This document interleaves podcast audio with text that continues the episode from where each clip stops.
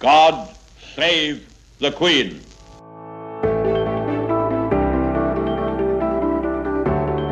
Monarkiet er en merkelig greie, og står egentlig i kontrast til både demokrati og menneskerettigheter, som er viktige verdier vi har i Europa og hjemme i Norge. Men da dronning Elisabeth døde, så ble det en enorm kollektiv sorg i Storbritannia. Britene elsket henne. Men var hun bare et symbol, eller hadde hun en politisk funksjon? Jeg heter Therese Leine, og i denne episoden av Hvor hender det, så skal vi undersøke hva en konge eller dronning har med politikk å gjøre. A few moments ago, Buckingham Palace announced the death of Her Majesty Queen Elizabeth II. The palace has just issued uh, this statement. It says the Queen died peacefully at Balmoral this afternoon. Etter 70 år på tronen har dronning Elisabeth regjert lenger enn noen annen britisk monark før henne. Allerede da hun fylte 21 år, bare fem år før hun tok over tronen etter sin far, så lovte hun det britiske folk at hun skulle vie livet sitt til deres tjeneste. I declare before you all that my whole life, whether it be long or short, shall be devoted to your service and the service of our great imperial family to which we all belong.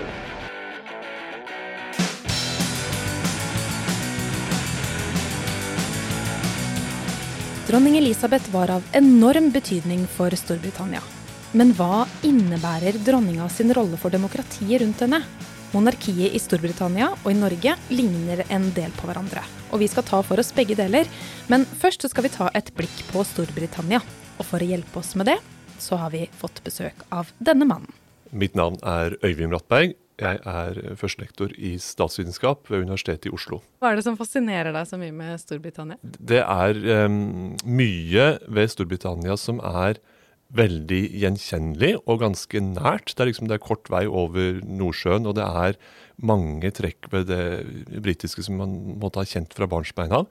Og så er det samtidig innmari forskjellig fra, fra Norge. Og det er den, den, måte, det, den, spenningen mellom det som er veldig familiært og, det, og, samtidig veldig forskjellig. Det er det som alltid har, har pirret meg, eller gitt en, en særskilt interesse. både både på den ene og andre måten. Altså Man kommer til Storbritannia som turist, så oppdager du raskt det at her er det sannelig mye som, som, er som, Man er blant gamle kjente, på en måte, men så er det samtidig dønn forskjellig på så mange, på så, så mange måter. Og det gjelder jo politikken også. Du har jo skrevet doktorgrad i britisk partipolitikk. Uh, hva, hva, hva, er det som er så spesielt med britisk partipolitikk? Uh, Storbritannia er veldig preget av to store, dominerende partier som til forveksling ligner litt på Norsk Arbeiderpartiet og Høyre. Um, så er det samtidig De dominerer så, så mye, og et sånt um, topartisystem minner oss da også litt om det amerikanske topartisystemet, hvor det også handler om to svære, uh, svære krabater som dominerer all politikk, og som er veldig forskjellig fra, fra den norske. Så her også så gjelder det å, å ta utgangspunkt i det man kjenner igjen, men samtidig forstå at spillereglene og måten ting fungerer på, også er er veldig annerledes i, i, i London sammenlignet med her. Uh, og hvem er Storbritannia i verden? Ja, Storbritannia er en stormakt, har vært en, en, eh, et, et, imperium. Dette er vi jo kjent med, alle som har, har lest noe av, av, historien der.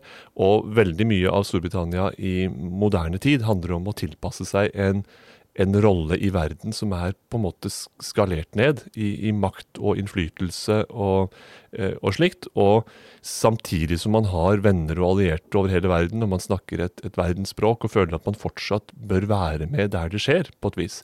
Og, og det har vært en vanskelig tilpasning for den politiske eliten i Storbritannia, og mye av trøbbelet eh, med, med britene og, og EU og med trøbbelet med EU så refererer Øyvind selvsagt til brexit. En årelang prosess hvor forskjellige statsministre har prøvd å melde Storbritannia som første land ut av EU.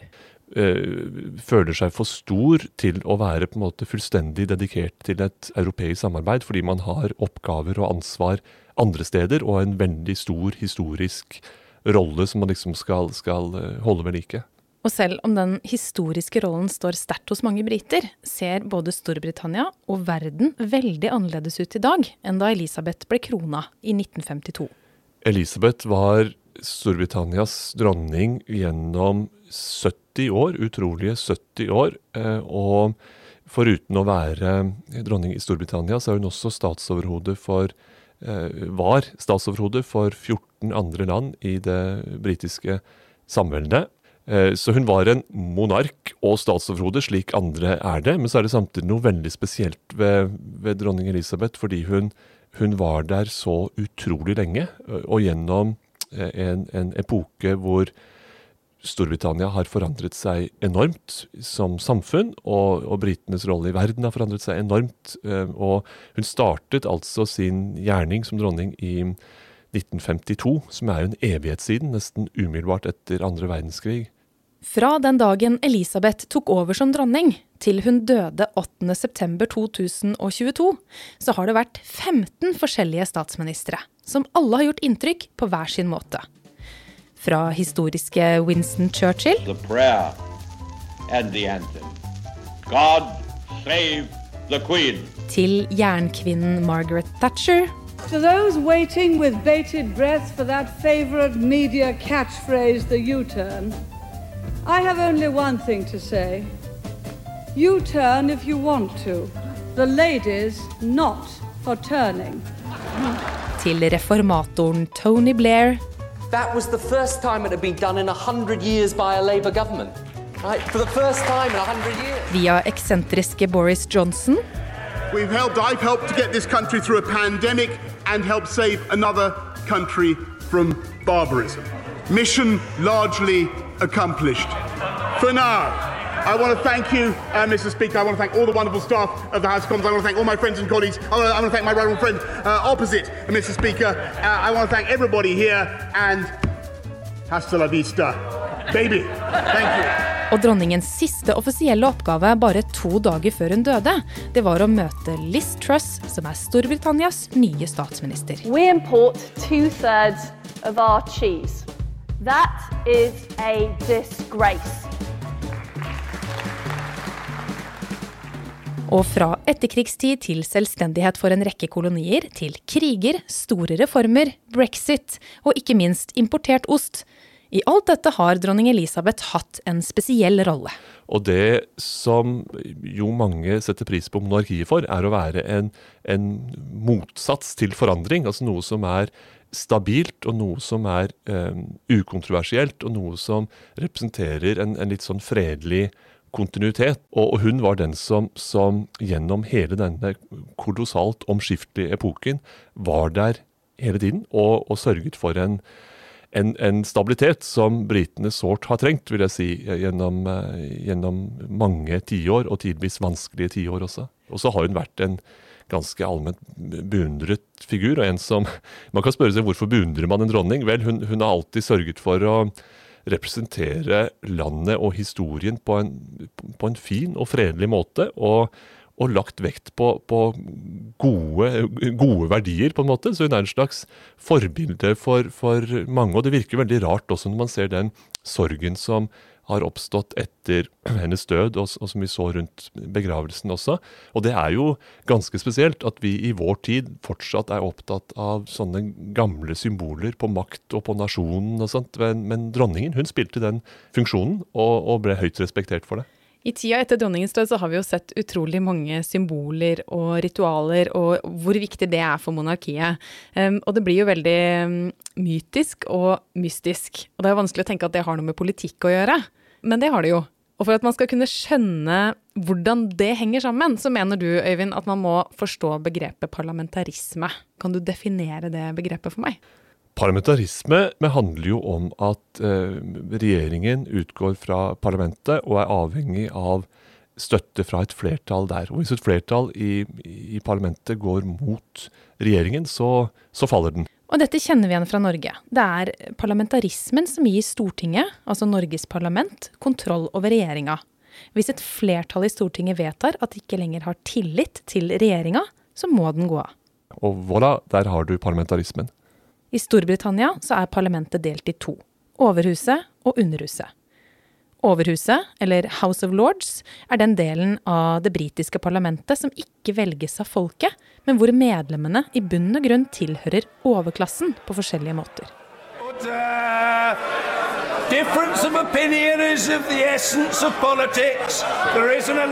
Combination. Underhuset, House of Commons, er omtrent som vårt storting.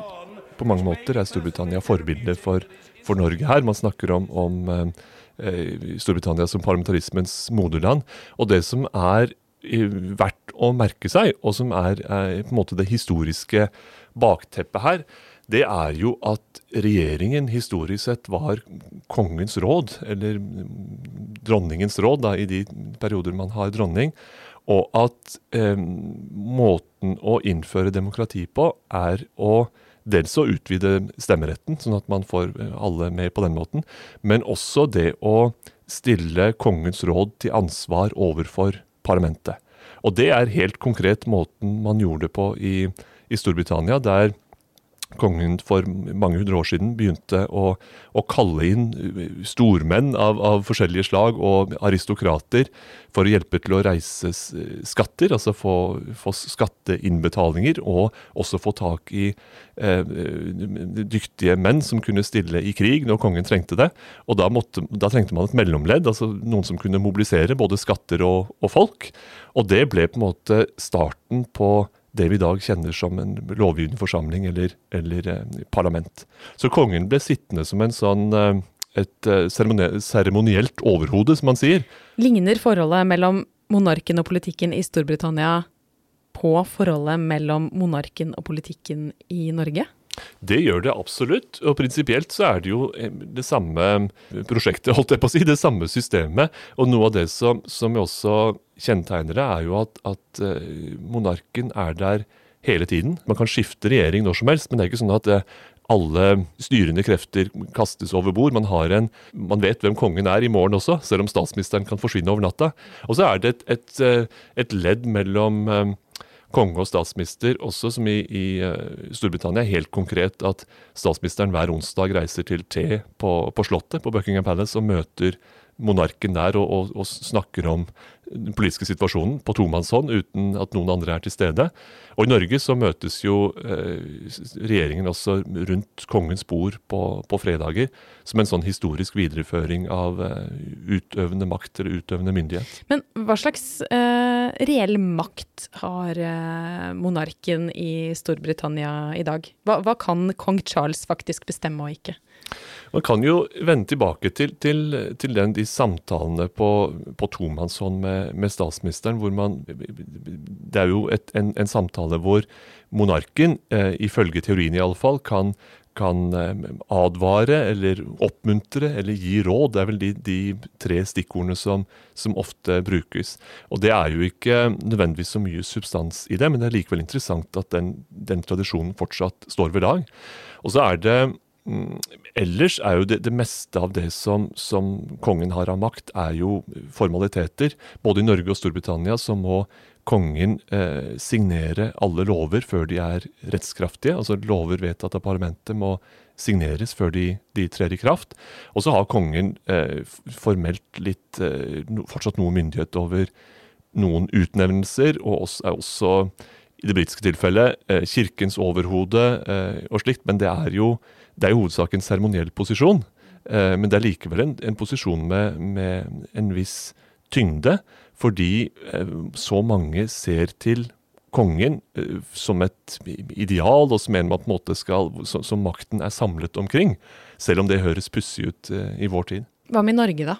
Har kongen noen, noen reell makt, egentlig?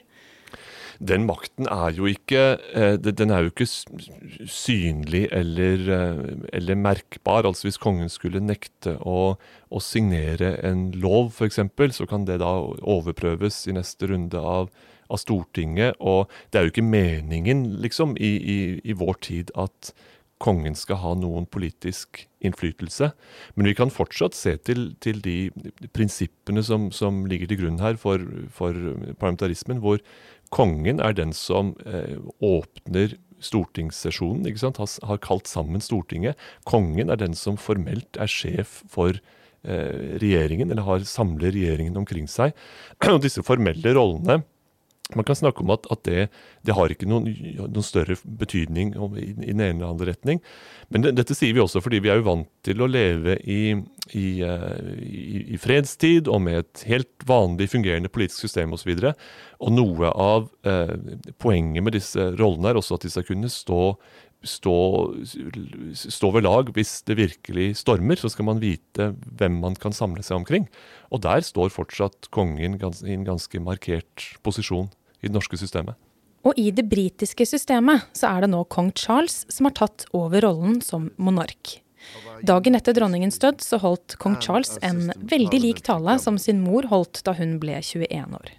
As the queen herself did with such unswerving devotion, I too now solemnly pledge myself, throughout the remaining time God grants me, to uphold the constitutional principles at the heart of our nation.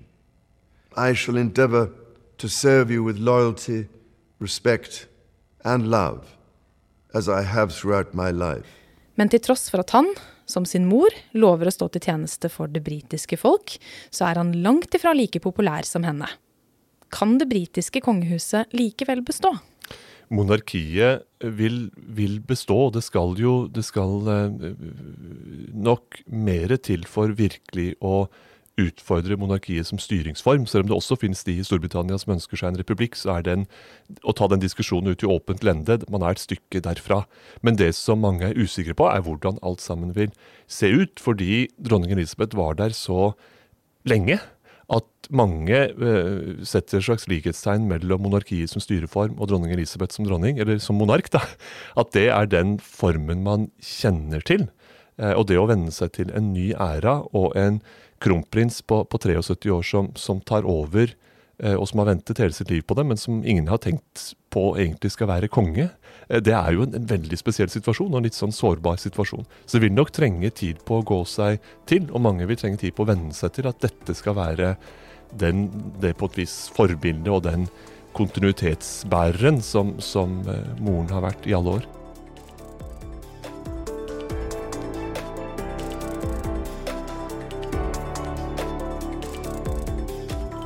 Denne podkasten er basert på en artikkel fra Nupis artikkelserie Hvor hender det? Hvis du vil lese våre artikler om utenrikspolitikk, så kan du besøke oss på nupi.no. skole. Og om du vil høre flere podkastepisoder, så kan du søke på Hvor hender det? i din podkastapp. Husk også at Nupi har to andre podkaster. The World Stage, som er på engelsk og går i dybden på internasjonale spørsmål og fagdebatter. Og så har vi Utenrikshospitalet, hvor vi diagnostiserer verden én episode av gangen. Har du innspill eller spørsmål til oss, så send oss gjerne en e-post til skole at nupi.no.